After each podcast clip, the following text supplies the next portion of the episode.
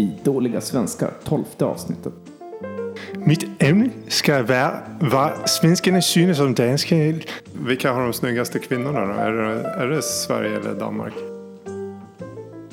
Ehm, men jag tänkte i alla fall prata om ehm, mina erfarenheter med mens. Vid ett tillfälle så var jag lite pillemarisk och, och försökte vända det här till något positivt och, och, och sa Yay! Nu kan jag införa blowjob week. Okej, hej och välkomna. Idag har vi ett lite speciellt avsnitt eftersom det är lyssnarnas avsnitt. Vi Jajamensan. hade en tävling eh, för några veckor sedan där man, som gick ut på att man skulle dela oss på Facebook och alla som har delat oss på Facebook har varit med i ett lotteri. Och vi har lottat fram tre stycken av de här personerna som har valt varsitt ämne som vi ska prata om. Och först ut ur vår tombola är en request från en dansk lyssnare vid namn Ditte. Bork Thomasen. Jag tänkte att eh, jag ska läsa det här så får vi tolka vad det betyder. Eh, på danska. Oh, spännande. Jag får bara säga, vi har ju lyssnare eh, tydligen då över hela världen så att det är kul att våra internationella lyssnare har eh, hört av Ja, sig. absolut. Ehm, så. Eh, mitt ämne ska vara vad svenskarna synes om danska livar i alla tre kan Ja. lite ved oss vilka fördomar I har. Och är det tid vill jag också söka höra vilka fördomar I tror danskarna har om svenskarna. I må gärna nämna mitt namn, uh, Guds hjälp, folkets kärlek, Danmarks uh, styrka. Ditte. Det där sista var eh, tillagt tror jag. Ja, absolut ingen aning om vad de pratar om här. Alltså det Kan du översätta? flög över mig det där. Ehm, Det bedrövlig danska, tycker jag. Creds. Nej, det- Jag har lärt mig jylländsk dansk. Det är Ja. därför. Ja, Det är inte den här Köpenhamnsdanskan som man är van vid. Ehm, Men vad jag tror vi ska prata om här det är eh, vad är svenskarnas eh, vad är svenskarnas eh, Vi stänger av den där. Vad är svenskarnas fördomar om danskarna och vad tror vi att danskarna har för, för fördomar om svenskarna? Ehm, så att eh, vi börjar med det helt enkelt. Eh, Olle, vad, vad, har du, eh, vad tror du att... Eller vi börjar med dig Max. Sorry. Vad tror du att danskarna har för fördomar om svenskar? Um, ja, jag skulle misstänka att de, de tycker eh, svenskar är tråkiga. Att eh, vi inte är lika öppna. um, och lika mycket levnadsglädje som, som danskarna har. Ehm, det är typ det som jag tänker Finns på det först. inte något sånt här talesätt att om man är levnadsglad så är man korkad? Jag, jag har personligen inte hört det. Men eh, man, man kan ju nästan tro att det är sant eftersom Danmark brukar väl vara en plats ovanför Sverige när det gäller liksom lycklighets... Det vill säga plats ett i världen. Det brukar väl ofta vara högst upp i sådana här lycko... ehm, Precis, de, de deprimerade länderna uppe i norr ligger högst upp. Tio lyckligaste länderna i världen. Schweiz, plats nummer ett. Plats nummer två, Island, plats nummer tre, Danmark, plats nummer fyra, Norge, plats nummer fem, da- eh, Kanada, sex, Finland, sju, Nederländerna, åtta, Sverige, nio, Nya Zeeland, tio, Australien. Okej. Ja, men då går vi bort från, från Rickards ehm, ämne här. Eh, precis, vad, vad har vi för fördomar om danskarna egentligen? Ja, alltså, traditionellt sett som jag ser det så brukar svenskar ofta prata om danska som väldigt dejlig. Allting är dejligt och som du säger Max också att man är lite kanske mer levnadsglad och tar det lite med ro och är ganska glad och sitter med pilsner på kvällen och sådär. Men Är det- Att de är lite grövre. Alltså, ja, de är också grövre och de är lite mer um, avslappnade också just i den här i det här sättet att förhålla sig till försiktighet och att de inte är lika PK och sådär. Men faktum är att på senare tid, eller egentligen ganska länge, så känns det som att många svenskar tänker på danska som också lite rasistiska. precis, Eh, är Danmark rasister? Ja, alltså det har ju kommit ehm, med, med eh, Dansk Folkepartis ehm, att de har blivit mer och mer populära och har suttit i regeringen och sådär. Ehm, vilket de, alltså, de har ju varit stora länge nu. Men jag kommer ihåg när jag eh, gick i mellanstadiet och flyttade till Malmö, alltså väldigt nära Danmark och min pappa började jobba i Danmark så det var då de blev stora ungefär och då kom ju också den här samtalet om att förut var danskarna så dejliga och nu är de rasister. Liksom. Så att jag tror att bilden av Danmark har ändrats lite men det är ju intressant också för att nu har ju Sverige gått i samma riktning och vi har ju Sverigedemokraterna som alla vet som är ett stort parti. Och, ehm, Alltså da- danskarna, eh, om vi ska hoppa tillbaka så är danskarnas eh, fördom mycket, eller fördom, men de säger eh, rakt upp och ner i media i alla fall att de tycker att eh, svenskarna är skåpsrasister. Eh, rasister. Som, Alltså, eller, eller skåpsrasister, inte ens det, men att vi tycker samma saker som danskarna men säger inte. Precis, jag tänkte också eh, när du frågade Max om vad eh, danskar har för fördomar om Sverige tänkte jag också på att de säkert ser många svenskar som generellt sett lite mesigare och vågar inte riktigt säga vad de tycker och just det här med PK, PKismen eller vad man kallar det, alltså politisk korrekthet och sådär. Det tror jag ligger mycket i också faktiskt. Och det är väl på gott och ont. Alltså, jag vet inte vad som i slutändan eh, är bättre. Alltså vad som har hänt i Danmark eller vad som har hänt i Sverige. Det känns som att det har hänt samma sak. Men, men och på ett sätt så är ju eh, eh, liksom debattklimatet kanske öppnare på det sättet i Danmark att man kan säga mer saker utan att bli kallad rasist. Men på andra sidan så kanske det inte är bra alla gånger att kunna slänga ut sig vad som helst. Så att det finns väl lite både för och nackdelar där. jag. Eh, precis, det, det finns ju, alltså jag, om man tänker sig rent, alltså samhällsmässigt så är eh, Danmark är det minst korrupta landet i världen. Uh, alltså det, skillnaden är väl inte så himla stor mot Sverige men uh, det finns ju uh, rent kulturellt en, en ganska, ganska stort förtroende mellan folken i, i de skandinaviska länderna vilket har lett till en väldigt låg korruption rent historiskt sett. Och, Eh, vad jag förstår så är det även så i de delarna i, i Nordamerika som har en hög andel eh, tredje, fjärdehands eh, eh, generation i eh, skandinaver har en väldigt låg korruption. Precis i Michigan och Minnesota och Idaho och sådär. Eller inte Idaho men eh, ja, de staterna så är det korrupt. Är det tillförlit eh, till stat och regering? Är det det som det handlar om? Det handlar om det. Och att eh, rent kulturellt har det varit väldigt homogena och slutna samhällen nästan. Ehm, ja, på, på gott och ont men det goda är då Det att är, man kan det är intressant tycker jag att eh, två samhällen som Sverige och Danmark som är väldigt lika varandra, likartade språk, stark socialdemokrati och på många sätt väldigt likartade samhällen har skilt sig så mycket i eh, just, eh, kanske inte helt och hållet synen på globalisering men i alla fall synen på invandring. Och jag tänkte på det här, alltså två saker som jag tog med mig av, jag vet inte om ni kommer ihåg, jag tror det var sommaren 2015 var det en sån här samsändning mellan svensk och dansk tv där man bara pratade om flyktingfrågan. Ja, jag, så- jag såg tyvärr inte den men ja. Eh, Jag, jag tog med mig två saker där som jag tänkte på. Det, det första var just det här som jag nyss nämnde om att politiska korrektheten. Att eh, de, de hade samlat då politiker och journalister från respektive land som diskuterade olika saker som hade med flyktingfrågan och invandring att göra. Och Var inte Arnstad med i det? vem? Den så kallade historikern.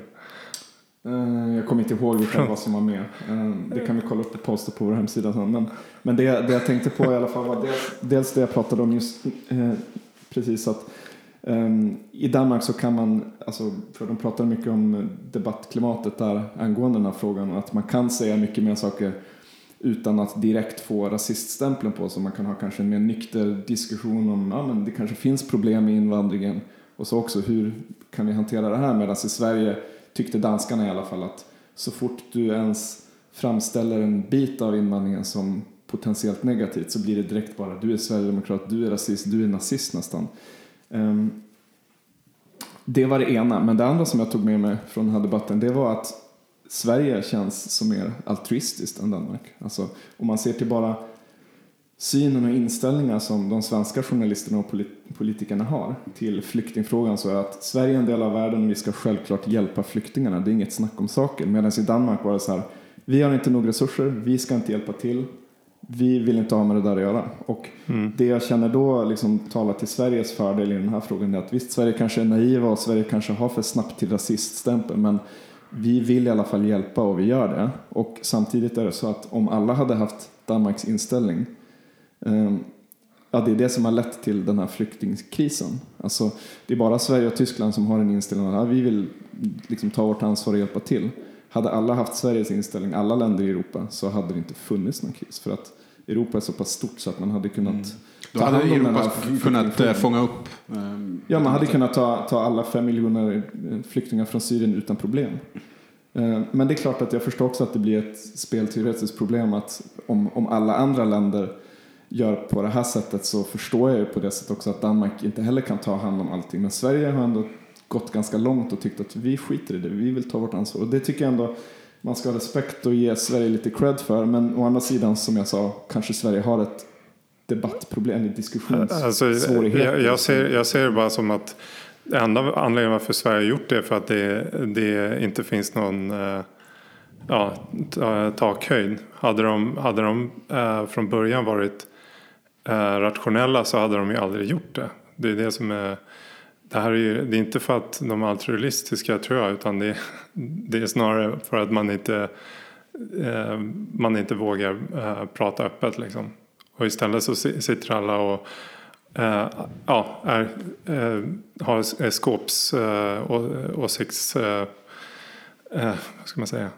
Har, har skåpsåsikter. Ja, nej, inte rasister men de, de har sina åsikter i garderoben.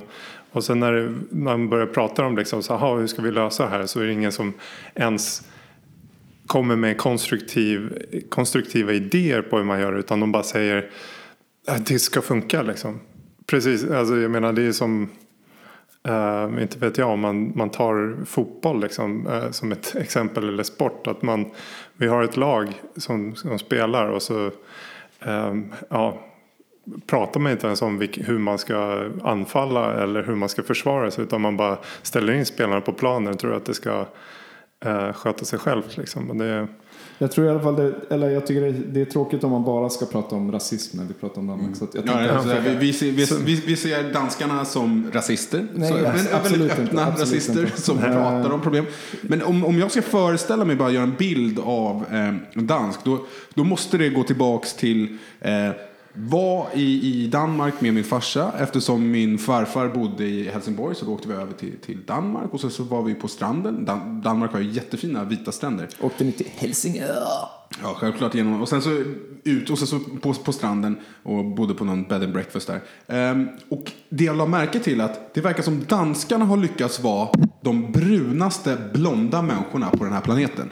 Jag har, Det trodde jag var svenska. jag har aldrig sett blonda människor lyckas bli så bruna. Det är som de här blonda De har den här lädertonen, Ja, men liksom. liksom, Ja. har varit gjorda för att vara i solen. Jag är ju rödhårig så, att, så att jag har jättestora problem med det. Men jag förstår inte när jag tittar på dem. Men du är ju blond. Hur kan du ha lyckats bygga upp en sån, sån här solbränna? Så jag tror att det verkar som, som danskarna liksom Det kan ha varit eh, det här faktiskt, eh, solkargade, vindiga landet så, så, så det blir inte för varmt för dem. För det, Det kan faktiskt ha varit eh, mig som du såg. För att jag var i Danmark några gånger som barn också och hade vitt hår och var väldigt brun. Ja, men det är helt otroligt. Typ så här, hälften av barnen på, på de här stränd, stränderna i, i, Danmark som man såg. Jätteblont, jätte, jätteblont hår. Men sen så riktigt brun hud. lä, läder, läderhud som liksom man kniper i så tar en vecka för att liksom gå tillbaka. Nej, inte så dåligt. Utan så här, wow, hur fan lyckades de med Det det, låter här? som Det att du har en ganska positiv bild av danska då. Nej, men sen så, öppnade de ju, i, sen så öppnade de ju munnen så förstod jag inte vad de sa och sen så bara hatade de inte också. Det, det leder mig till en fråga. Eh, vilka har de snyggaste kvinnorna då? Är det, är det Sverige eller Danmark? Eh, Det finns många läckra danska brudar, det gör det absolut. Eh, Men jag har större erfarenhet av svenska brudar och ehm, jag tror att ehm, det är svårt att slå Sverige. Ja, det, det, det är ganska svårt. Alltså, tyvärr måste jag säga, när jag tänker på danska kvinnor så tänker jag på kvinnor med gula Blend.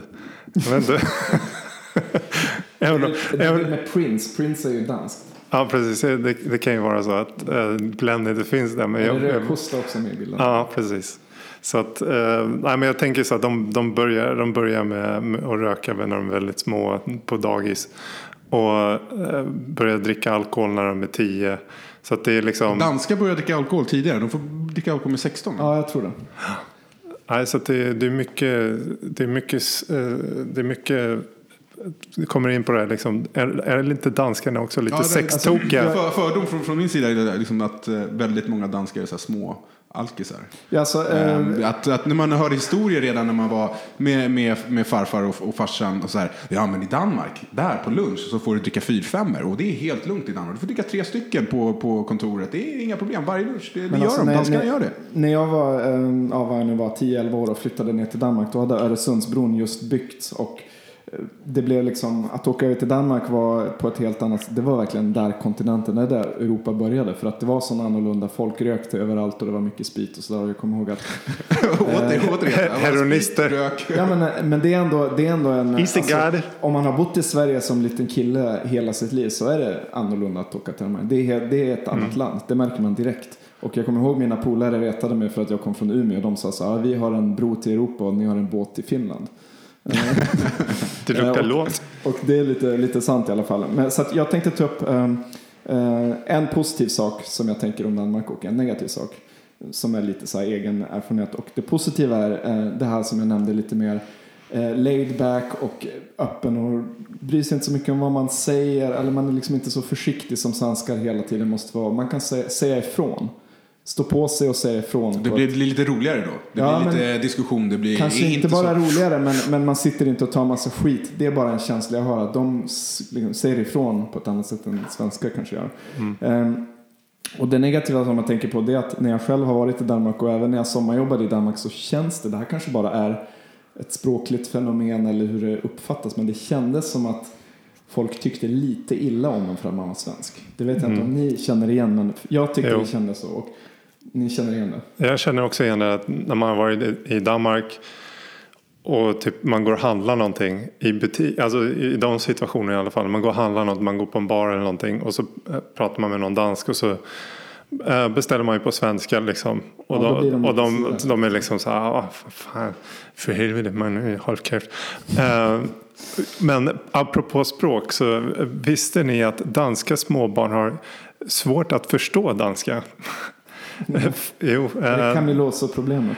eller? Eh, nej, men Det forskning, kan jag helt leva mig in i. forskning visar att 8 till 15 års bebisar förstår färre ord än barn med an- annat modersmål. Det är jätteintressant. Du får länka till den här undersökningen på, eh, på vår hemsida. sen. Men det jag tänkte binda till det här med att vad det kan bero på att man uppfattar, eller i alla fall jag och ni också uppfattar att man, folk tycker lite illa om man, om man är från Sverige. På ett annat sätt än om man kanske åker till Norge eller för den delen Finland eller något annat ställe. Det är värre i Finland än Ja, det kanske är. är värre. Ja, det kanske är värre. Men för det jag har tänkt på det är att eh, det kan ha med mindervärdeskomplex att göra. Därför att Sverige har ingen naturlig storebror egentligen, som, om man ska snacka som länder. Medan både Norge, Danmark och Finland som väldigt eh, liknande samhällen till Sverige och grannländer och sådär och med allt vad det in- innebär med konkurrens och rivalitet.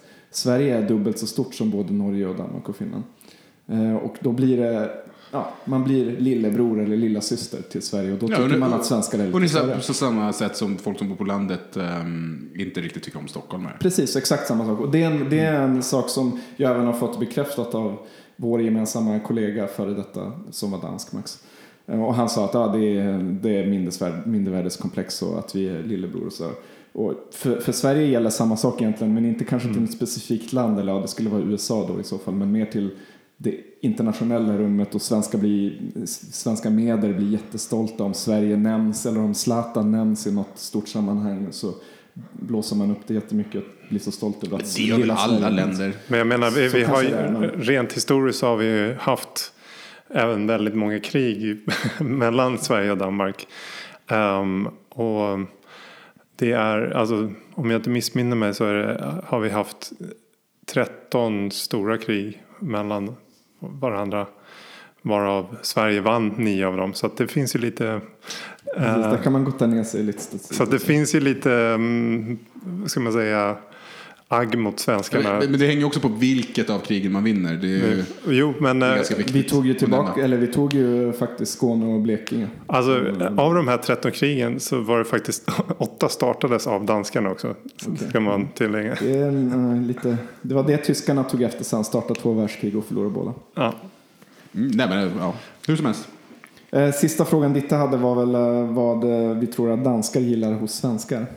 De gillar. Ja, Ja, jag tror de eh, tycker att eh, svenskarna är lite mer, alltså, jag tror det är samma sak, de tycker att svenskarna är lite mer obekymrade. Eh, tycker de har lite lättare för att bara vara i naturen och ehm, ett naturfolk på ett annat sätt. Ja, precis. Och har, har det här med berg och sjöar och sånt och inte bara vind och sand. Sen tror jag de, de tänker på svenska män som väldigt attraktiva, snygga och eh, att vi är riktiga män. Ja, ja, garanterat. Precis. Och inte bara håller på och klaga på allting. Alltså. Nej. För, för att avsluta den här punkten så um, Någonting som jag tänkte på var att eh, alltså danskarna gör ju bättre film än svenskarna. Nej, kom igen nu för fan. Vad sa du? Att, att danskarna...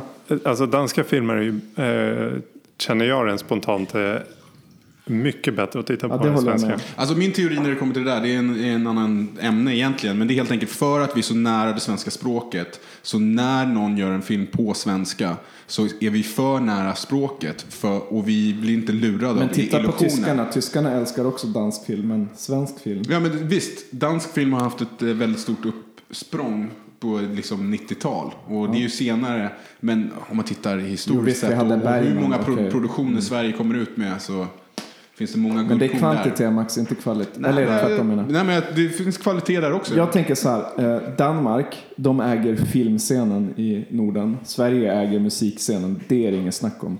Vad har Danmark i musik? Jo, de har Metallicas trummis kommer från Danmark. Aqua.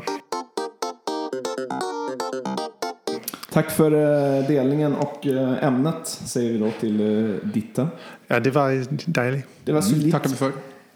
Eh, Vi går vidare till eh, vårt nästa ämne som också är då ett lyssnareämne. Jag skickar över bollen till dig Max. Jajamensan. Um, Anna har ju ehm, ja, bett om att, att jag ska prata om ämnet mens, menstruation. Det är ett fantastiskt ämne, det är det faktiskt. Det är ett stort ämne. Egentligen skulle vi kunna ha en hel podd bara om, om mens. Det finns Finns det inte redan en menspodd? Det finns det, finns det säkert och eh, med förståelig anledning. Jag tycker det är ett intressant eh, format att ha tre killar som sitter och pratar om mens. Ja, Ehm, ja framförallt. Och det, det kanske var därför An- Anna tyckte att eh, vi skulle prata om det här. För att liksom bryta upp det grabbiga lite. Ehm, hur som helst, ehm, för inte alla som, kanske inte alla som vet vad ens mens är. Bara för att eh, folk ska veta lite. Så är det um, något som påbörjar den, den kvinnliga menstruationscykeln. Är då att eh, kvinnan har blödningar från tre till sju dagar till och med. Det kan vara till och med sju dagar. Eh, för att livmoders, eh, livmoderslemhinnan eh, ska eh, ut eh, och för den förnyas eh, så länge kvinnan inte är gravid. Och eh, det innebär ju då att det kommer blod och vävnader ut eh, ur vaginan. Eh, och eh, ja, alltså det är ju något supernaturligt. Det är ju liksom, hälften av jordens befolkning eh, gör det här eh, mellan, så, mellan så här 12-15 års ålder tills de, eh, klimakteriet sätter, fart i ja, 60 års åldern och så vidare. Ehm, men jag tänkte i alla fall prata om ehm, mina erfarenheter med mens. Jag har inte själv fysiskt upplevt det, men ehm, ja, eftersom hälften av jordens befolkning har det här så kommer man i kontakt med det. Och ehm, första gången som ehm, jag fick reda på att det existerar var helt enkelt att jag tittade i min mammas eh, handväska av någon anledning. Och där hittade jag eh, tamponger. När det var 22 år eller? Nej, nej, det här är Max som barn. Litet nyfiket barn som, som öppnar mammas handväska och kollar runt. Och det, där var cigaretter, det var en penna, något, något papper. Och, och sen så var det, vad är det här för konstig sak? Hade jag aldrig sett förut. Den här tampongen som, som, som låg där. Och då frågade jag självklart mamma, så här, vad är det här för någonting? Och då sa hon så här, men det här det är en tampong och det är någonting som, som kvinnor använder för att eh, kvinnor har, har mens. Och sen så förklarar hon, jag kommer inte ihåg exakt hur hon la upp det hela. Men jag förstod då att det var Eh, det kom blod en gång i månaden och eh, det är någonting som alla kvinnor har. Så, Jaha, ja, jättesjälvklart tänkte jag. Jaha, men det är så det är. Det är ing, jaha, det är, så är det för mamma. Och ehm, sen så la jag ju faktiskt märke till det här för att ehm, ehm min mor ehm, i min uppväxt, eh, hon sov bara i en, en, en stor t-shirt, som en längre t-shirt. Ehm, vilket innebär på morgonen när det var frukost eller eh, hon var direkt efter på Skratta toan. Så, så, så fick man faktiskt se eh, nakenhet. Och, Jo, men det har vi varit inne på innan. Ehm, och samma sak med min far gick, gick runt naken på, på morgonen eftersom han. Helikoptern höjd. Men alltså det är ju jättebra. Man ska ju självklart få sova som man vill. Det är inga problem. Det är ju bara bra. Lufta lite. Ehm, och då börjar jag lägga märke till eh, till och från så såg man ett litet, litet snöre som, som stack ut. Och då fattar man ju vad tampong... Drog du i den någon gång? Nej, det gjorde jag inte. Eh, det gjorde jag aldrig. Men eh, då förstod man ju verkligen hur det användes. Jaha, det är okej, okay, den stoppas upp. Och, så, sen så, då förstod jag, men det är lite som det är en propp som eh, hindrar blod från att komma ut. Det är praktiskt. Och för mig, jag har absolut inte haft några problem med det. Och jag har aldrig förstått i, i uppväxten äm, grabbar som, som skojade om ja men du har ju bara PM, PMS och har du mens eller? De- Alla de här grejerna fattade jag aldrig. Jag förstod inte vad så, grejen var. I, egentligen med så, här, men vadå, de, kvinnor, tjejer blöder? Jaha, men Jag måste var, säga varför ska att- du påpeka Jag måste här? säga att just det här med, med det som du förmodligen kommer in på nu, det här med humörsvängningar och hormoner och sådär, att man fysiskt, eller förlåt, psykiskt påverkas av mens. Det är ingenting som jag tror jag i alla fall direkt har sådär upplevt. Ehm, förutom det faktumet att eh, kvinnor s- berättar att ja, jag var jättemensig igår som de kan uttrycka det och jag, jag hade jättemycket humörsvängningar. Men det är ingenting som jag direkt har blivit utsatt för, något så kallat PMS-monster som vissa pratar om. Det är nog i väldigt hög grad folk som tjejer kanske själv känner medan utåt sett, i alla fall för killar som kanske inte tänker på män så mycket, inte märker Ja, på samma sätt. Alltså, man kanske har varit i närheten av ett PMS-utbrott, men jag har aldrig fattat det som så. Unga tjejer och sen så när man kommer upp i mellanstadiet, högstadiet, det är ju hormoner och stress fram och tillbaka hos alla. Så att om någon får ett utbrott, då är ju, det här är ju vardag. Och om, jag drog aldrig kopplingarna, men hon har väl mens. Och, och jag fattade aldrig och jag tyckte det var jättetråkigt när grabbar eh, då sa att men du har ju bara mens, håll käften. När sådana kommentarer kom fram. Så, Det är så jag förstod vidrig och aldrig- nedvärderande grej att säga. Alltså, För det första. Jag, jag, jag har aldrig hört någon säga det till någon. Så, så då gick du med öronproppar hela högstadiet. Jag har hört det här i, i mellanstadiet, i, i högstadiet. mitt Ja, minne är i och för sig inte så jävla bra. Så att det, Ehm, och det var ju där som det verkligen började, började man förstod att det kanske var något större. Att det, det, var, det fanns problematik runt just mens. Eh, till exempel att ehm, på gympalektionerna så, så var det väldigt ofta samma tjejer som hade mens flera gånger i månaden måste det ha varit. För att de hade inte tagit med sig gympakläder för de har mens. Och då slapp de ju vara med på gympalektionen och då var de bara tvungna att gå ner bort till centrum och skriva upp vad eh, restaurangen där hade för eh, dagens. Så att gympaläraren visste att de faktiskt hade gått ner till centrum. Just det. Ehm, och, Ja, de fick inte en dagens. Nej, de fick inte en dag. Nej, de de var tvungna att visa att de hade gått ner där för att istället för att göra gympa så ska de gå ner. Ehm, så jag är medveten om att så, vissa tjejer då måste ju ha använt det eh, för att de inte hade lust med gympan. Men eh, om man... en upplevelse jag kan, eh, det kan jag minnas också. Ja, men om man jämför det med själva grejen att gå runt och ha ont, illamående, huvudvärk, eh, kvällningar och, och så vidare och så vidare. Alla de här symptomen som kommer av premenstruella eh, symptomer. Eh, så jag menar, okej det är lugnt, du skippar en gympalektion. Det är lite som Eh. kvinnans blue balls där. Fast en gång i månaden. Ja. Nej, ehm, men det kommer ju egentligen in på vad jag hade tänkt att, att föra det här vidare. För som man, den gången som man är som närmast mens, det är ju eh, när man är i ett förhållande med en kvinna och ehm, hon har mens. För att eh, då, och så vissa tjejer så blir det så, nej, då kan vi inte ha sex. Så då blir det liksom den här helvetesveckan när man inte kan ha sex alls. Och man kan absolut inte göra någonting åt det för de har den ultimata ursäkten. Um, vid ett tillfälle så var jag lite pillemarisk och, och försökte vända det här till något positivt och, och, och sa Yay! Nu kan jag införa blowjob week.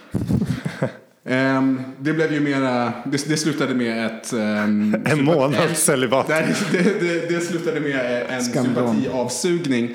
Ehm, och sen så var det inte det så kul. Men det, tråkiga är ju att när en kvinna har mens så, så ändras hormonerna ändras ju det blir mycket hormonsvängningar. Och mer blod till genitalierna. Vilket innebär att de flesta kvinnorna faktiskt har mer sexuell lust under de här dagarna av cykeln. Eh, vilket är lite förjävligt. Eh, för att anledningen egentligen varför Blowjob Week inte, inte tog fasta var ju mer för att det var, var så ehm, orättvist. För att om du, om du då skulle starta Blowjob Week och, och så här, ja, då får jag en avsugning varje dag. Så min partner skulle då bli så uh, upphetsad att det skulle vara hon skulle verkligen få blue balls, eller blue lips som den officiella termen är.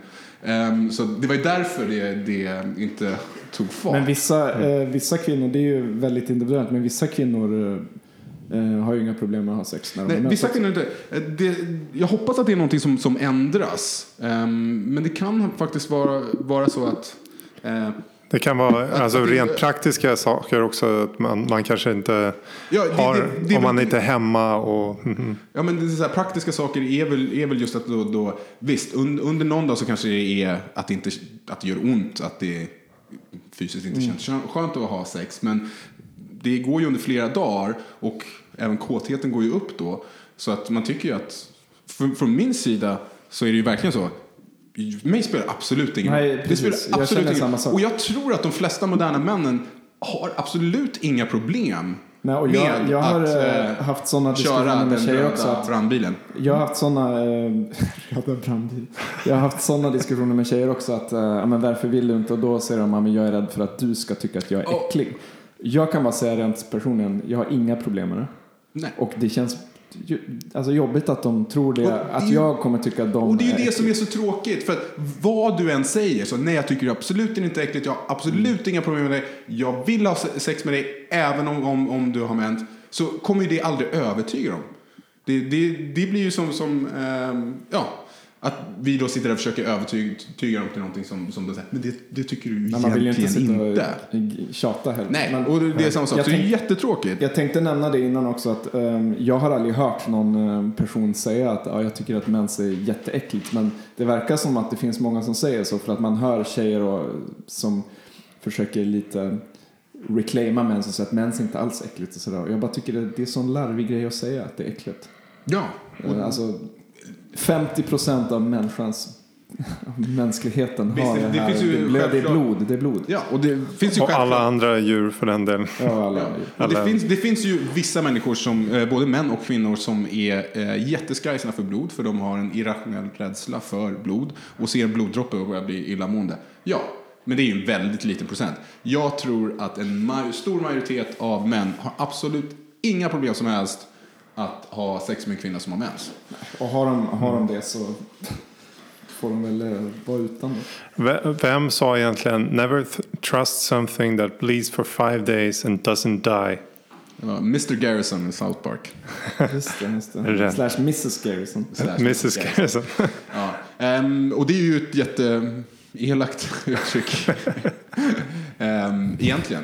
Men um, ja, så om man ska sammanfatta så ska eh, kvinnor ska ju absolut inte skämmas över det här. Och jag hoppas att eh, samhället nu är på väg i rätt riktning när det kommer till det här. Att de nya grabbarna som, som växer upp eh, inte lägger någon skam på, på kvinnor ehm, att de har mens. Eller nedvärderar dem eh, och deras åsikter bara för att de har mens. Ehm, man vet ju självklart att när man mår dåligt eller man är trött eller av olika anledningar så kan man bli lätt irriterad av mindre saker.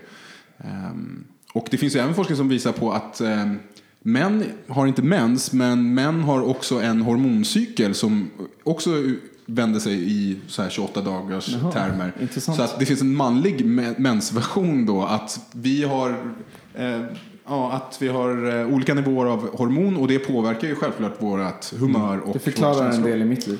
Ja. Ja, så det, det tråkiga skulle vara om, om de båda negativa, eller negativa, men de båda faserna träffar varandra.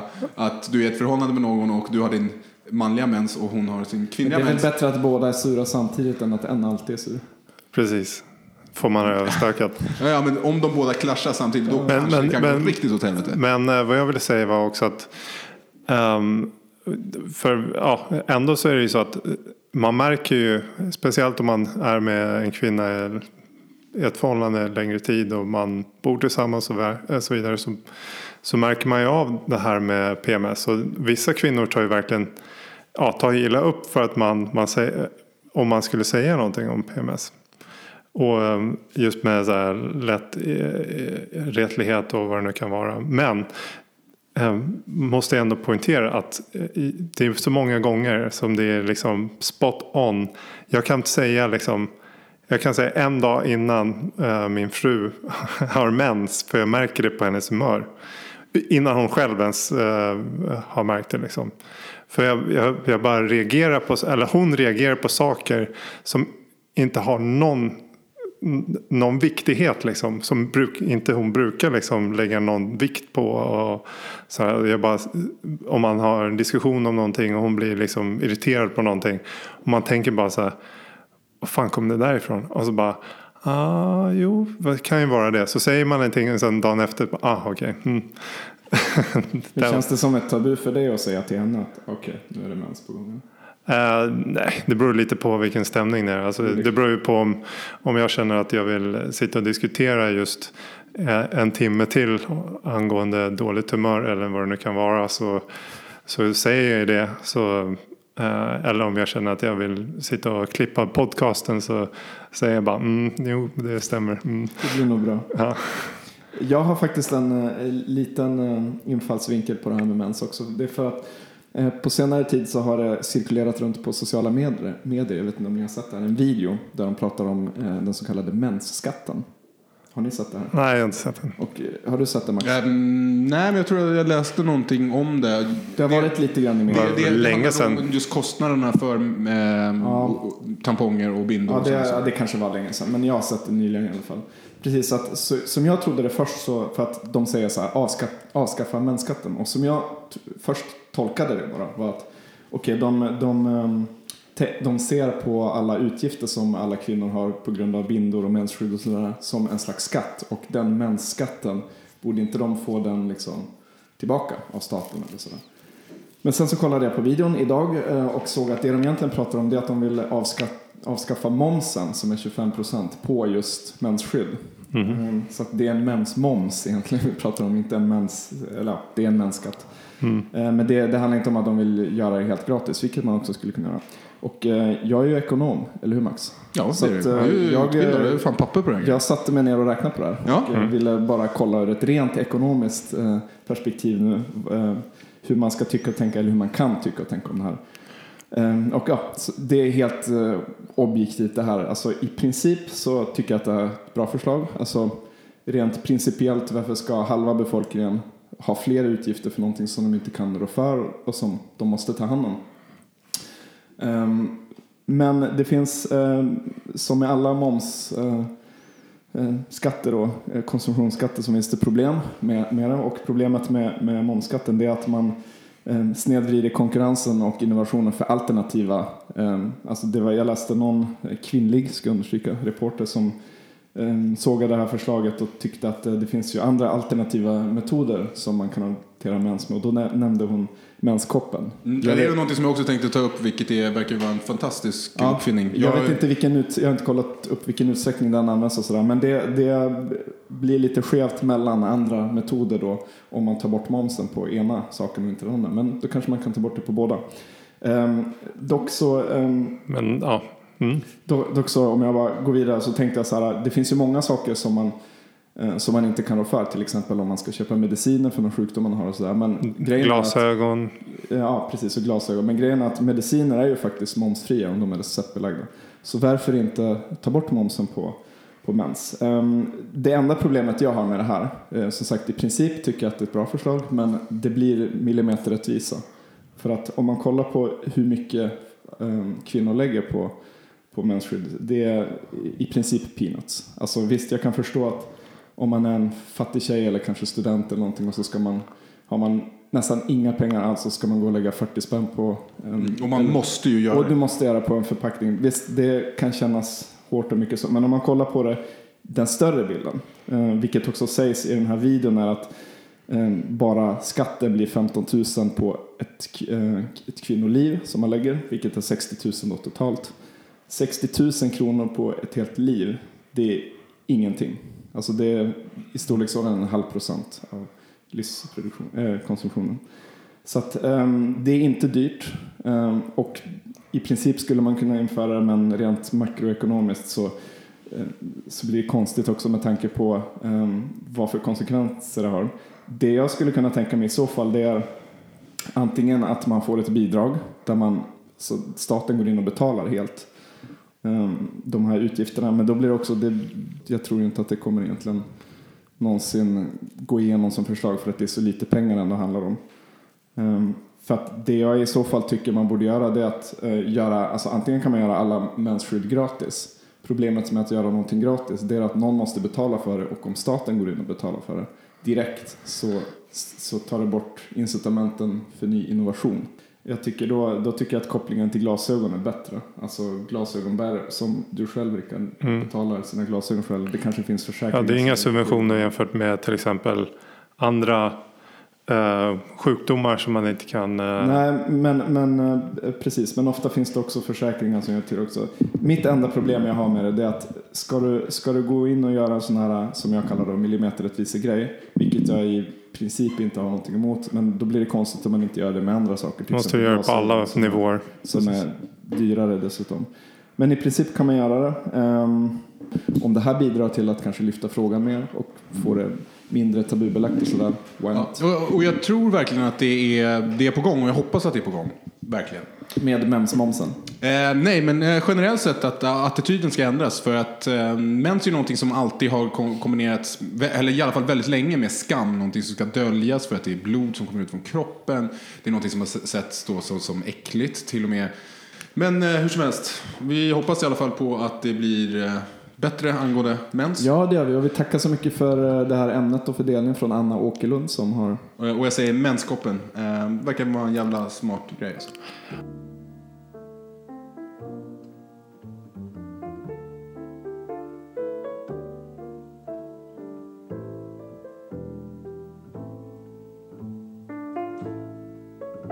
Eh, nu du, eh, Olle, du ska Precis. Prata om vad då? Vi har fått in uh, från uh, um, en lyssnare som heter Justus Bong. Bong? Väldigt roligt namn. Uh, Justus vill veta, han vill höra lite om hur det var för oss på gymnasiet. Och han skriver då så här att när han själv gick gymnasiet så mådde han under långa perioder ganska dåligt, kanske utan att ha tänkt på det eller egentligen vara medveten om det själv. Och så har han funderat så här att om jag hade mått så här dåligt nu så kanske jag faktiskt nästan inte ens hade velat leva om man ska um, överdriva lite. Och hur hade man själv känt och uppfattat saker idag om man var samma person då som fast liksom, åkte fram i tiden och levde här och nu. Så han vill höra lite om hur vi hade det i eh, gymnasiet helt enkelt. Och det kanske inte är så att vi hade det lika dåligt som han hade det men han vill höra hur vi hade det. Och vi har varit inne lite grann på det här. Vi har pratat om gymnasiet. Vi har också pratat om självmord och att må dåligt och sådär. Jag kan bara säga för min eh, del personligen så um, gymnasiet var en väldigt bra tid för mig. Och det har jag nämnt i podden innan också. Um, för mig var min hårda period var högstadiet, eller bögstadiet som jag kallade det då. Uh, absolut inget fel att vara bög, uh, såklart. Det har vi också varit inne på. Men um, högstadiet var en jobbig period för mig. utan det var, alltså, För mig var högstadiet jag kände mig ganska ensam ibland, hade inte så mycket kompisar. Man gick runt och tänkte på just, som Justus beskrev, att en ständig strävan att vara populär och inne och sådär. För mig var högstadietiden då man liksom ville vara populär och längtade efter att få röra en kvinna och sådana där saker. Och på gymnasiet, det var då allting hände. Det var då man fick kompisar, kände att man kanske inte var så illa omtyckt och även kanske fick lite tjejer och sådär. Jag vet inte hur det var för er två egentligen, om vi ska försöka fokusera mer på gymnasiet. Alltså precis, precis som du säger, så här, för mig högstadiet, det, det var jobbigt. Ehm, det var väldigt jobbigt och det var väldigt inriktat på vem är cool och vem är inte cool och, och, och sådana här saker. Försöka vara cool. Men ehm, gymnasiet eh, var ju, det var enklare med sådana saker, utstående ehm, faktorer. Men för mig så, så var det mycket jobbigare. Det var ju under den tiden som, som jag mådde eh, väldigt dåligt med mig själv. Och ja, om jag skulle må som jag mådde under tiden på gymnasiet så, så skulle jag inte kunna klara av att jobba på mitt jobb. Jag skulle mycket troligen vara arbetslös och um, käka antidepressiva. Och, Hur vanligt tror du det här är bland gymnasieelever? Jag vet inte. Alltså, det är ju många som säger att gymnasiet är, är mycket roligare eftersom man kommer bort från högstadiet och det är en chans att, att um, liksom återuppfinna sig själv. Alltså och- det är en liten nystart för de Ja, flesta. eftersom man kommer oftast, om inte till en annan skola så kommer man till en större skola där, där man har möjlighet att träffa nya människor och skapa nya kompisar. Man är inte tvungen riktigt att vara med alla de gamla för att logiskt liksom, bara Men om geografiskt man så är ska- det precis där. Praktiskt Om man ska expandera det och, och innefatta även högstadiet. Det känns som att Alltså det känns nästan bara rent magkänslomässigt som att alla som går i högstadiegymnasium under en längre period mår väldigt dåligt.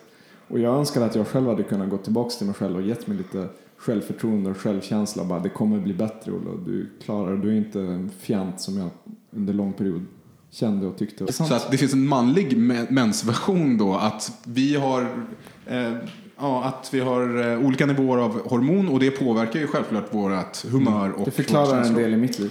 Ja. Ja, så det, det tråkiga skulle vara om, om de båda negativa, eller negativa, men de båda faserna träffar varandra.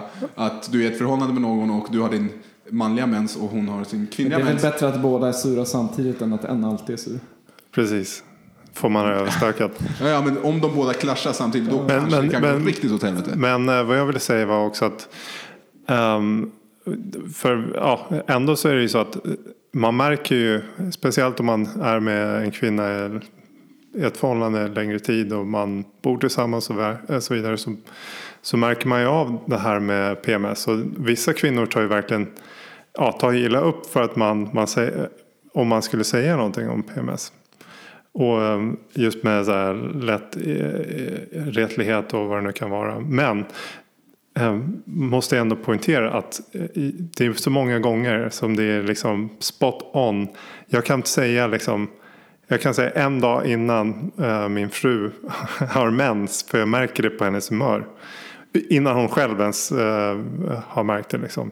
För jag, jag, jag bara reagerar på, eller hon reagerar på saker som inte har någon någon viktighet liksom, som bruk, inte hon brukar liksom lägga någon vikt på. Och så här, jag bara, om man har en diskussion om någonting och hon blir liksom irriterad på någonting. Och man tänker bara så här, vad fan kom det där ifrån? Och så bara, ah, jo, det kan ju vara det. Så säger man någonting och sen dagen efter, ah, okej. Mm. Hur känns det som ett tabu för dig att säga till henne att okej, nu är det mens på gång?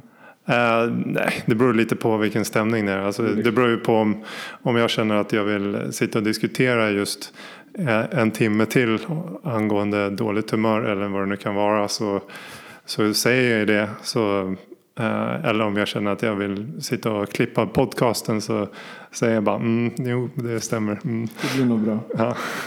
Jag har faktiskt en eh, liten eh, infallsvinkel på det här med mens också. Det är för att eh, på senare tid så har det cirkulerat runt på sociala medier, medier jag vet inte om ni har sett det här, en video där de pratar om eh, den så kallade mensskatten. Har ni sett det här? Nej, jag har inte sett den. Och eh, har du sett det Max? Ehm, nej, men jag tror att jag läste någonting om det. Det har varit lite grann i media. var länge handlar om sedan. Just kostnaderna för ehm, Ja. och- och tamponger och bindor. Ja, och det, ja, det kanske var länge sedan, men jag har sett det nyligen i alla fall. Precis, att, så, som jag trodde det först så, för att de säger så här, avskaff, avskaffa mensskatten. Och som jag först tolkade det bara var att, okej, de, de, ehm, te, de ser på alla utgifter som alla kvinnor har på grund av bindor och mensskydd och sådär som en slags skatt. Och den mensskatten, borde inte de få den liksom tillbaka av staten eller sådär? Men sen så kollade jag på videon idag eh, och såg att det de egentligen pratar om det är att de vill avskaffa, avskaffa momsen som är 25% på just mensskydd. Mm, Så att det är en mensmoms egentligen vi pratar om, inte en mens, eller det är en mensskatt. Eh, Men det, det handlar inte om att de vill göra det helt gratis, vilket man också skulle kunna göra. Och eh, jag är ju ekonom, eller hur Max? Ja, Så det är att, ju eh, jag, eh, jag fan papper på här. Jag satte mig ner och räknade på det här. Ja. Och jag ville bara kolla ur ett rent ekonomiskt eh, perspektiv nu. eh, Hur man ska tycka och tänka, eller hur man kan tycka och tänka om det här. Eh, Och ja, det är helt eh, objektivt det här. Alltså i princip så tycker jag att det är ett bra förslag. Alltså rent principiellt, varför ska halva befolkningen ha fler utgifter för någonting som de inte kan rå för och som de måste ta hand om? Ehm, men det finns, eh, som med alla moms eh, eh skatter eh, konsumtionsskatter så finns det problem med, med det. Och problemet med, med momsskatten är att man eh, snedvrider konkurrensen och innovationen för alternativa. Eh, alltså det var, jag läste någon kvinnlig, ska jag understryka, reporter som eh, sågade det här förslaget och tyckte att eh, det finns ju andra alternativa metoder som man kan hantera mens med. Och då nä- nämnde hon menskoppen. Mm, Jag det är någonting som jag också tänkte ta upp, vilket är, verkar vara en fantastisk Ja, uppfinning. Jag, vet inte vilken ut, jag har inte kollat upp vilken utsträckning den används och sådär. Men det, det blir lite skevt mellan andra metoder då om man tar bort momsen på ena saken och inte den andra. Men då kanske man kan ta bort det på båda. Ehm, dock så ehm, Men ja. Mm. Dock dock så om jag bara går vidare så tänkte jag så här, det finns ju många saker som man, eh, som man inte kan rå för. Till exempel om man ska köpa mediciner för någon sjukdom man har och sådär. Men grejen är att, Glasögon. ja, precis, och glasögon. Men grejen är att mediciner är ju faktiskt momsfria om de är receptbelagda. Så varför inte ta bort momsen på, på mens? Ehm, det enda problemet jag har med det här, eh, som sagt i princip tycker jag att det är ett bra förslag, men det blir millimeterrättvisa. För att om man kollar på hur mycket um, kvinnor lägger på, på mensskydd, det är i princip peanuts. Alltså visst, jag kan förstå att om man är en fattig tjej eller kanske student eller någonting och så ska man, har man nästan inga pengar alls så ska man gå och lägga 40 spänn på en, Och man måste ju göra och du måste göra på en förpackning. Visst, det kan kännas hårt och mycket så. Men om man kollar på det, den större bilden, eh, vilket också sägs i den här videon, är att eh, bara skatten blir 15 000 på ett, eh, ett kvinnoliv som man lägger, vilket är 60 000 då totalt. 60 000 kronor på ett helt liv, det är ingenting.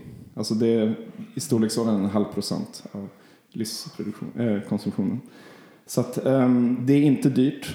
um, och i princip skulle man kunna införa det, men rent makroekonomiskt så, uh, så blir det konstigt också med tanke på um, vad för konsekvenser det har. Det jag skulle kunna tänka mig i så fall det är antingen att man får ett bidrag där man, så staten går in och betalar helt Ehm, de här utgifterna. Men då blir det också, det, jag tror inte att det kommer egentligen någonsin gå igenom som förslag för att det är så lite pengar ändå handlar om. Ehm, för att det jag i så fall tycker man borde göra det är att eh, göra, alltså antingen kan man göra alla mensskydd gratis. Problemet med att göra någonting gratis det är att någon måste betala för det och om staten går in och betalar för det direkt så, så tar det bort incitamenten för ny innovation.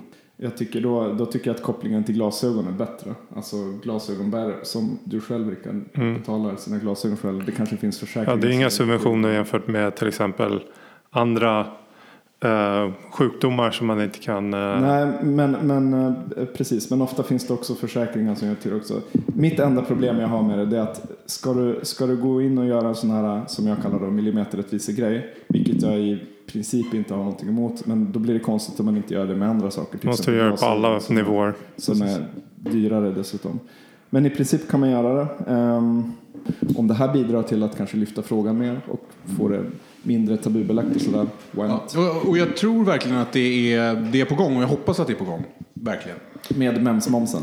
Eh, nej, men eh, generellt sett att eh, attityden ska ändras. För att eh, mens är ju någonting som alltid har kom- kombinerats, eller i alla fall väldigt länge, med skam. Någonting som ska döljas för att det är blod som kommer ut från kroppen. Det är någonting som har se- setts då som, som äckligt till och med.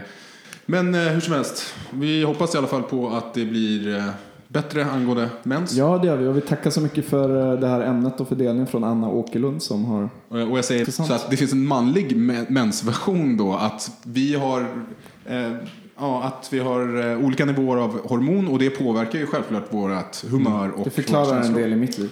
Ja. Ja, så det, det tråkiga skulle vara om, om de båda negativa, eller negativa, men de båda faserna träffar varandra.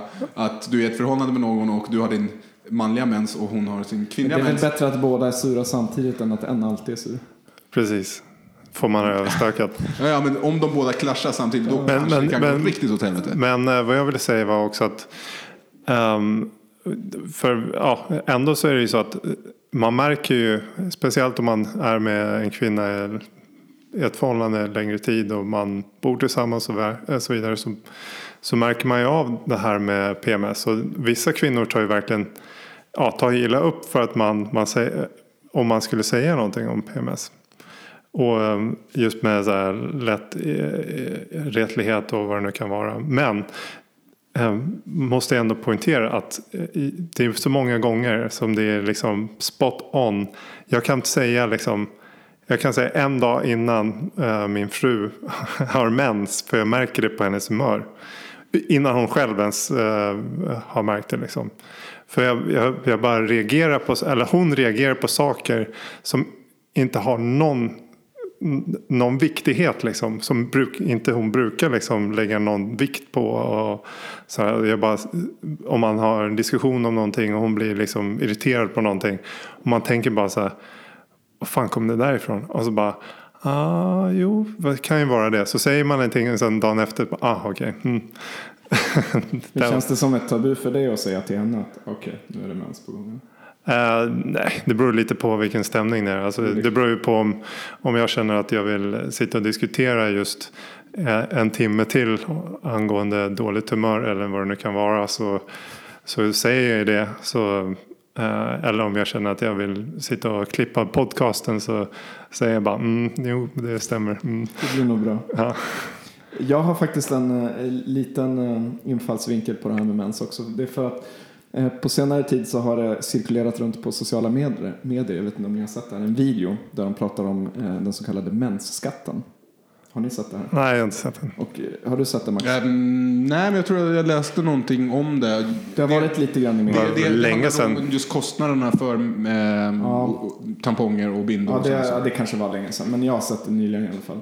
Precis, att, så, som jag trodde det först så, för att de säger så här, avskaffa, avskaffa mensskatten. Och som jag först tolkade det bara var att okej, okay, de, de, ehm, de, de ser på alla utgifter som alla kvinnor har på grund av bindor och mensskydd och sådär som en slags skatt. Och den mensskatten, borde inte de få den liksom tillbaka av staten eller sådär?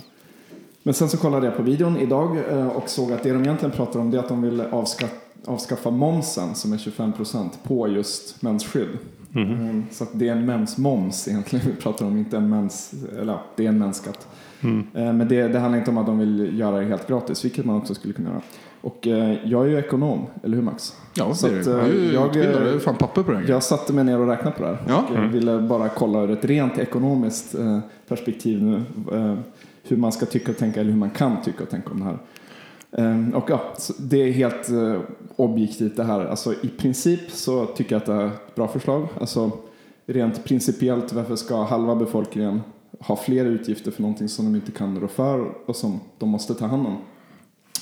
Ehm, men det finns, eh, som med alla moms eh, skatter och konsumtionsskatter så finns det problem med, med det. Och problemet med, med momsskatten är att man Ehm, snedvrider konkurrensen och innovationen för alternativa. Ehm, alltså det var, jag läste någon kvinnlig, ska understryka, reporter som ehm, sågade det här förslaget och tyckte att eh, det finns ju andra alternativa metoder som man kan hantera mens med. Och då nämnde hon menskoppen. Mm, det är något som jag också tänkte ta upp, vilket är, verkar vara en fantastisk ja, uppfinning. Jag, jag, vet inte vilken ut, jag har inte kollat upp vilken utsträckning den används och sådär, men det, det blir lite skevt mellan andra metoder då om man tar bort momsen på ena saken och inte den andra. Men då kanske man kan ta bort det på båda. Um, dock så... Um, men ja. Mm. Dock, dock så om jag bara går vidare så tänkte jag så här, det finns ju många saker som man som man inte kan rå för. Till exempel om man ska köpa mediciner för någon sjukdom man har och sådär. Men glasögon. Att, ja, precis. Och glasögon. Men grejen är att mediciner är ju faktiskt momsfria om de är receptbelagda. Så varför inte ta bort momsen på, på mens? Um, det enda problemet jag har med det här, uh, som sagt i princip tycker jag att det är ett bra förslag, men det blir millimeterrättvisa. För att om man kollar på hur mycket um, kvinnor lägger på, på mensskydd, det är i princip peanuts. Alltså visst, jag kan förstå att om man är en fattig tjej eller kanske student eller någonting och så ska man, har man nästan inga pengar alls så ska man gå och lägga 40 spänn på en, mm, Och man en, måste ju göra Och du måste göra på en förpackning. Visst, det kan kännas hårt och mycket så, men om man kollar på det, den större bilden, eh, vilket också sägs i den här videon är att eh, bara skatten blir 15 000 på ett, eh, ett kvinnoliv som man lägger, vilket är 60 000 då totalt. 60 000 kronor på ett helt liv, det är ingenting. Alltså det är i storleksordningen en halv procent av livskonsumtionen. Eh, äh, så att, um, det är inte dyrt um, och i princip skulle man kunna införa det men rent makroekonomiskt så, uh, så blir det konstigt också med tanke på um, vad för konsekvenser det har. Det jag skulle kunna tänka mig i så fall det är antingen att man får ett bidrag där man, så staten går in och betalar helt Ehm, de här utgifterna. Men då blir det också, det, jag tror inte att det kommer egentligen någonsin gå igenom som förslag för att det är så lite pengar ändå handlar om. Ehm, för att det jag i så fall tycker man borde göra det är att eh, göra, alltså antingen kan man göra alla mensskydd gratis. Problemet med att göra någonting gratis det är att någon måste betala för det och om staten går in och betalar för det direkt så, så tar det bort incitamenten för ny innovation. Jag tycker då, då tycker jag att kopplingen till glasögon är bättre. Alltså glasögonbärare, som du själv Rickard, mm. betalar sina glasögon själv. Det kanske finns försäkringar. Ja, det är inga subventioner jämfört med till exempel andra Uh, sjukdomar som man inte kan... Uh... Nej, men, men uh, precis. Men ofta finns det också försäkringar som gör till också. Mitt enda problem jag har med det är att ska du, ska du gå in och göra en sån här, som jag kallar det, millimeterrättvise-grej, vilket jag i princip inte har någonting emot, men då blir det konstigt om man inte gör det med andra saker. Till Måste göra det på alla nivåer. Som är dyrare dessutom. Men i princip kan man göra det. Um, om det här bidrar till att kanske lyfta frågan mer och få det mindre tabubelagt och sådär. Ja, och jag tror verkligen att det är, det är på gång och jag hoppas att det är på gång. Verkligen. Med mensmomsen? Eh, nej, men eh, generellt sett att eh, attityden ska ändras. För att eh, mens är ju någonting som alltid har kom kombinerats, eller i alla fall väldigt länge, med skam. Någonting som ska döljas för att det är blod som kommer ut från kroppen. Det är någonting som har setts då så, som äckligt till och med. Men eh, hur som helst, vi hoppas i alla fall på att det blir eh, bättre angående mens. Ja, det gör vi. Och vi tackar så mycket för det här ämnet och fördelningen från Anna Åkerlund som har... Och jag säger menskoppen. Eh, verkar vara en jävla smart grej. Alltså.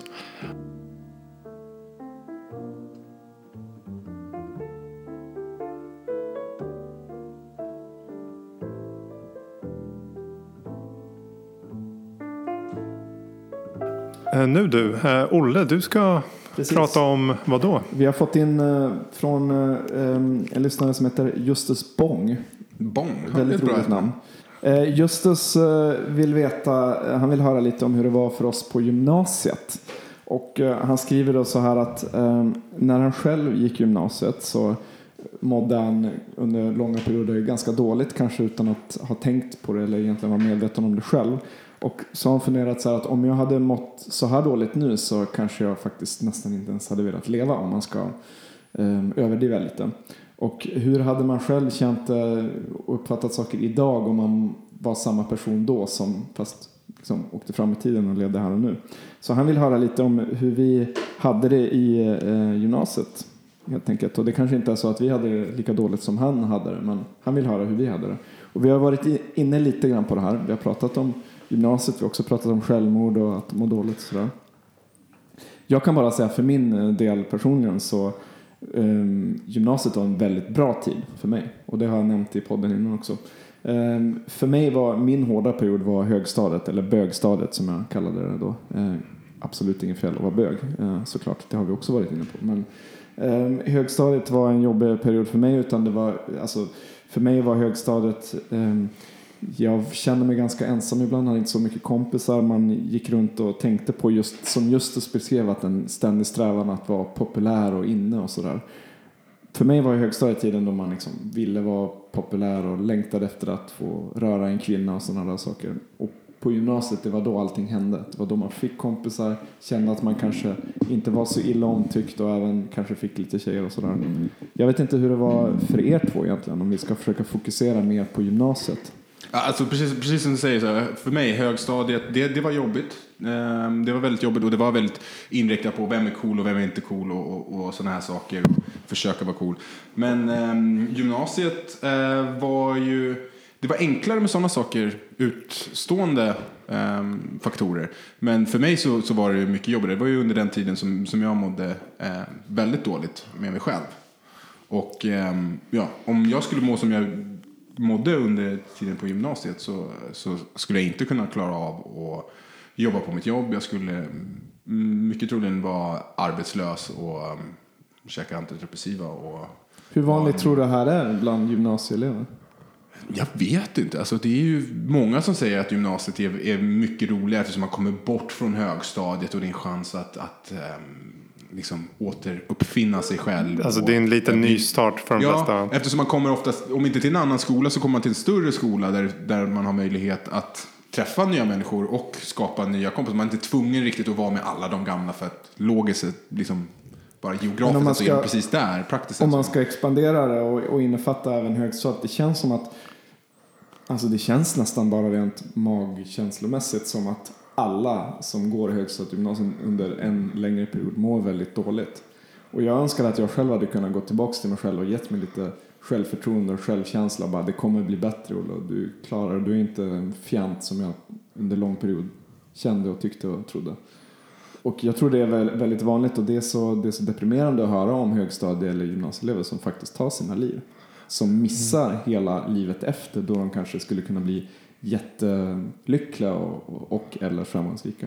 Ja, alltså jag tycker, um, ja, jag håller med er båda två. Alltså jag tyckte um, ja, högstadiet var ju liksom rent rent farlighetsmässigt, eller vad man ska säga, där var mycket farligare i högstadiet. Ja, det fanns det ju risker på att bli liksom utblottad och, och sådana här alltså det var ju, saker, saker och ting var mycket hårdare. För att jag vet liksom att varje vecka så var det ju någon typ av fysiskt handgemäng. Liksom, med, alltså, inga liksom rena slagsmål eller någonting sånt där. Men uh, det var ändå liksom, minst en gång i veckan var det någonting där man liksom höll på med någon typ av status. Uh, måste liksom halvbrottas med någon för ja, att... Verbala hot, nedtryckningar, mobbing. Eh, att tryck, verkligen få folk att känna sig små för att visa då att man då inom citattecken är coolare än någon annan och så här. Jo, precis. Och hela den här... Um, ja, men hela tiden test, test, test. Och, och det måste väl ha någonting med uppväxt att göra. Att det, innan man lär man lär känna sig själv innan man kommer på att vänta lite, vad fan håller jag på med? Men social status är, liksom, är det viktigaste? Är jätteviktigt eh, just då. Eller det känns som att det är det som är det viktigaste. Och, och den sociala statusen är helt inbyggd med hur, hur andra ser en i den här skolan, i den här miljön. Jo, precis. För att eh, man bryr sig absolut inte liksom hur, vad, vad morsan tycker. Utan den där jobbiga jäveln som retar. Det är viktigare vad han eller hon tycker. Ja, och eh, för mig så var ju gymnasiet också egentligen bara en, en eh, ganska bra tid. Alltså, jag kommer inte ihåg så jävla mycket från gymnasiet mer än att jag kände mig bara fri liksom. För att jag, hade, jag gick på ett ganska fritt gymnasium. Jag hade liksom Um, extremt mycket friheter på allting, så att alla mm, plan. Mm, och, och um, det var liksom inte det här vara klockan åtta varje dag, samma klass, utan det var alltid liksom lite nya människor. Plus att som, som du sa, liksom, som Max sa, att äh, äh, nätverket expanderar, man träffar nya människor, man går i klasser med nya människor. För mig var det också en, en mycket som hände inne i mitt huvud. Det var inte bara det här att man lärde känna rent i den yttre världen, lärde känna mer människor och hängde mer i stan och sådär och gick på fester. För första gången gick jag på fester och kände att oj, det här går ju bra ungefär. Utan det var mycket som hände i min hjärna också. Jag formades väldigt, väldigt mycket under min gymnasieperiod. Dels så rent socialt formades jag och kände hur jag kunde handskas med personer på det sociala planet. Men dels så var jag i USA ett år och kände där att wow, jag tycker det är skithäftigt att lära känna folk och vill resa och lära nya språk och nya kulturer och sådär. Ehm, mitt samhällsintresse, alltså intresset för politik och samhällsfrågor tog verkligen fart i gymnasiet. Det har ju format mig supermycket som person. Ehm, och även att eh, på högstadiet var jag mer så här, jag hade gärna velat, eller jag var intresserad av musik och det skulle vara så kul men jag kan inte. Men sen på gymnasiet, i början av gymnasiet så började jag själv spela gitarr. Och det gick ju jättebra och var hur kul som helst. Så där, jag spelade med kompisar. Ja, jag, tror alla får formas och, och, det läggs en viss grund i, i um, den tiden. Um, det, man börjar bli, bli vuxen och gärna börjar... Ja, för mig var det väldigt bra. Uh, ta sin ultimata form. Men det är, det är också, alltså på något sätt så är det, säger det också att om man har Tänk om man skulle kunna fokusera all den här energin och allt vad man håller på med där i högstadiet Eh, till eh, positiva saker. För det känns som att det liksom sättet så att gå i skola och allting så här skapar de här miljöerna som gör det väldigt svårt att liksom fokusera på um, ja, produktiva saker. Men å andra sidan så kan jag tänka det här kanske faktiskt är skolan för just konfliktlösning och sånt som vi behöver ha i bagaget sen när vi är vuxna.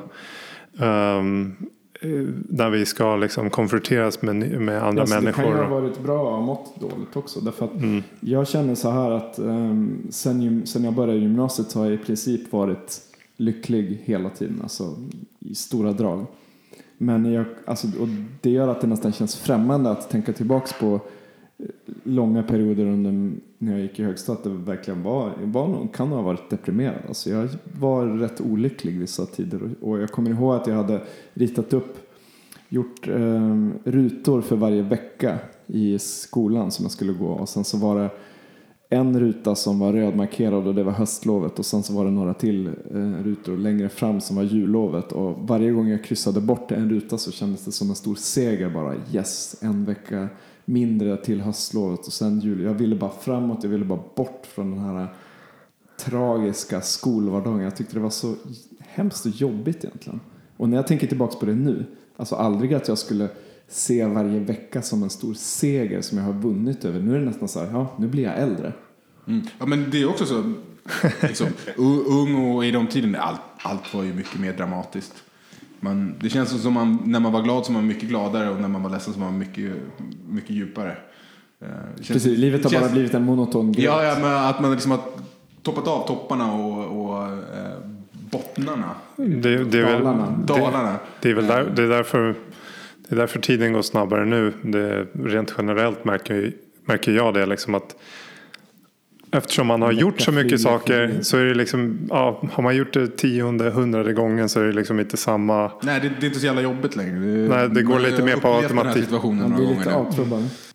senare i livet när man, eh, som jag började känna liksom det här med att också att man avtrubbas. Det är det här med att liksom, för mig i alla fall gå ut och hålla på med eh, med gå på bar och klubb och sånt där liksom också helt avtrubbas för att ja, jag har gjort det här, gjort det här. Det, Det blir inte lika roligt som när man eh, kanske gick på gymnasiet eller högstadiet. Nej, eller första gången man smet in och på falskt lägg eller vad det nu kan vara. Så, Och nu när du går dit så märker du att det var en jävla skitbar. Typ. Och att hans falsklägg inte funkar lika bra längre. nej, precis.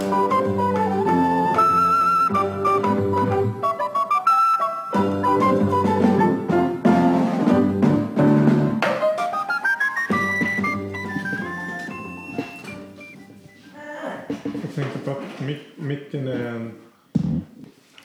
Är det så? Du måste hålla på avstånd men ändå. Vad säger du? Micken stör dig? Ja, den har stört mig hela det här avsnittet.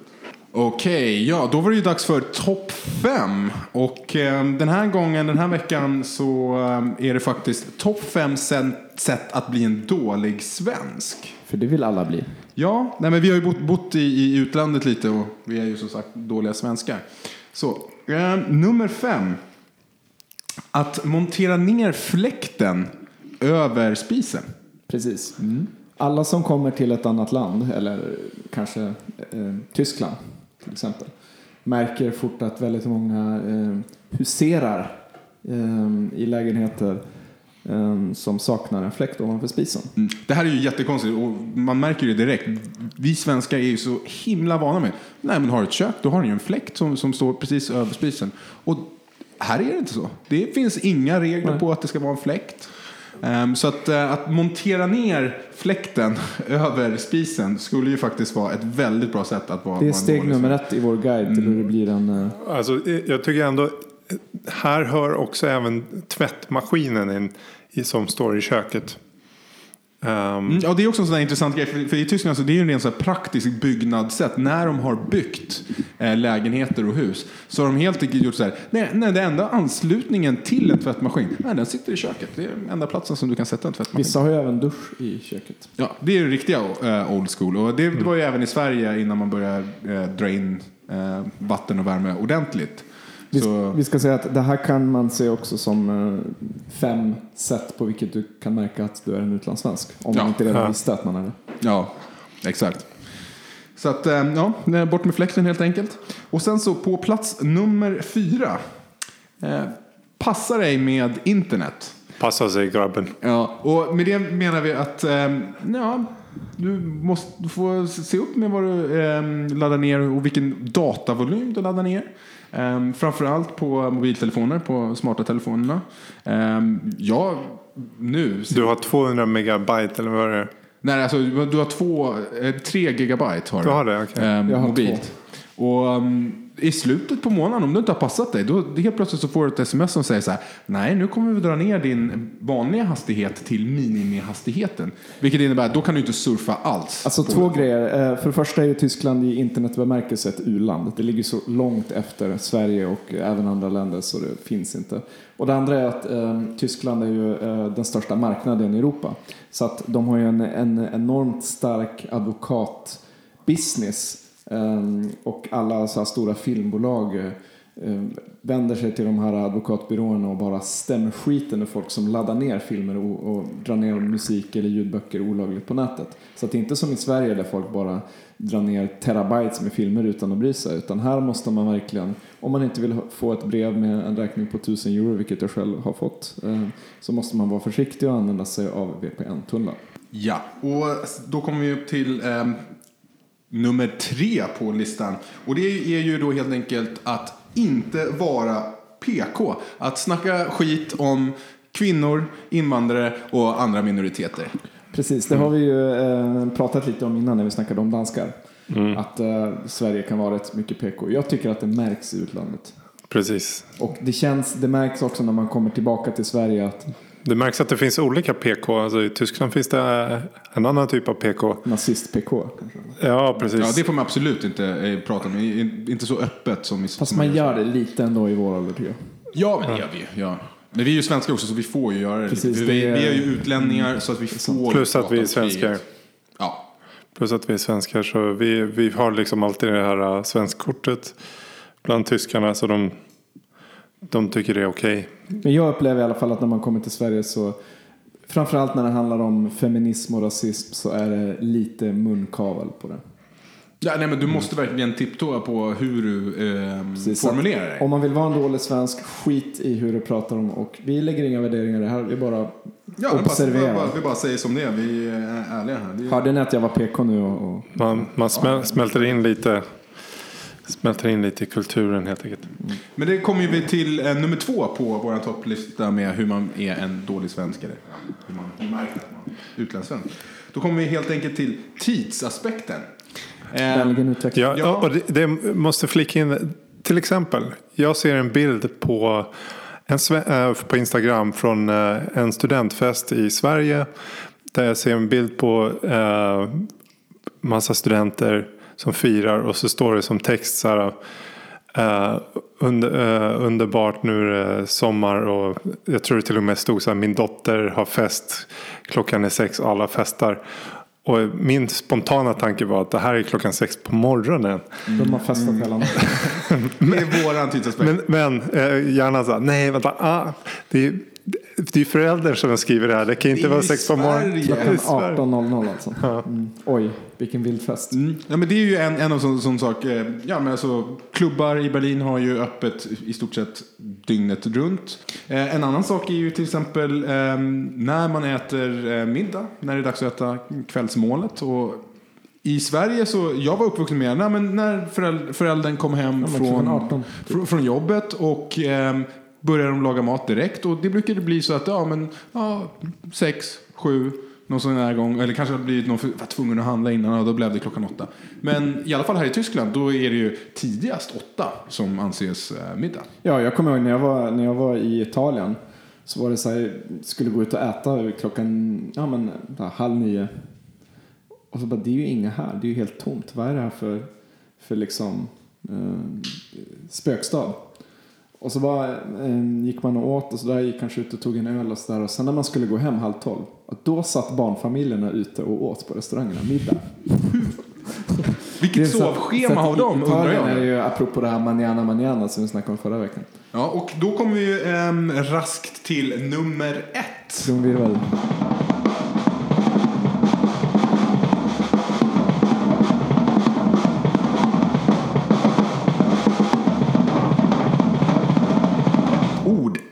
Ordväxlingar, utväxlingar. Att du helt enkelt använder fel ord när du pratar Jag svenska. tror till och med att ordet ordväxlingar Ja, kan ha varit... ser, man märker det. Vi, man, så dålig svensk är jag. Att, Ordväxlingar. Man slänger in, man slänger in eh, andra ord. Alltså, det, det jag vill skilja på här är att många svenskar som bor i Sverige och bott i Sverige hela sitt liv men ändå blir väldigt um, anglosaxiska i sitt språk. Det är inte det jag menar, att man använder anglicismer. För det gör många som Man säger nice. Och det gör man i flera olika språk. Och det gör man i flera olika språk också. Det vi pratar om det är mer att man kanske lär sig tyska och när du pratar svenska så använder du svenska språk fast du använder det lite fel, du använder... Det har blivit lite för tyst. Som, Får jag ta ett exempel som Ja. jag tror Max gjorde ehm, Jag tänkte också i det här. Det är säkert samma. Eh, Okej, ska vi se om det är samma. Jag tänkte på att Max sa innan att eh, nu kommer jag inte ihåg vilken ålder du pratade om, men du sa någonting i stil med, ja, men det var ju med 15. Alltså det du menade var när man var 15. För att på tyska säger man mitt 15, det betyder när jag var 15 år gammal. med 10. Så att det är liksom... Danskar började dricka alkohol tidigare. De får dricka alkohol med 16. Ja, jag tror det. Var det det du tänkte på, Rickard? Nej, jag tänkte på ett ord som Max alltid säger. Han säger eh, det är skönt när det klappar, säger han. Ja, just det. Es klappt på tyska. Klaffar. Ja, just det. Klappar ska det vara. Det ska inte vara klappar ju. Ja, märker, mitt, min, min svenska har blivit eh, förtyskad. Har blivit. Du är inte ensam. Vi är ju alla tre dåliga svenskar. Jajamensan, så det var våran eh, topp fem. Yes, eh, ni får väl gå in och like oss på Fejan då, eller Instagram eller vad det nu kan Jag vara. hoppas ni har lärt er lite nya ord idag. Och ehm, lite mer om mens kanske? Eller högstadiet? Ja, jag Eller Danmark, Ja. eller vad det nu kan ha varit. Mm, det ska Vi hörs och ses under veckan och nästa vecka. Okej. Det gör vi. Många kramar. Ha det bra. Helvete.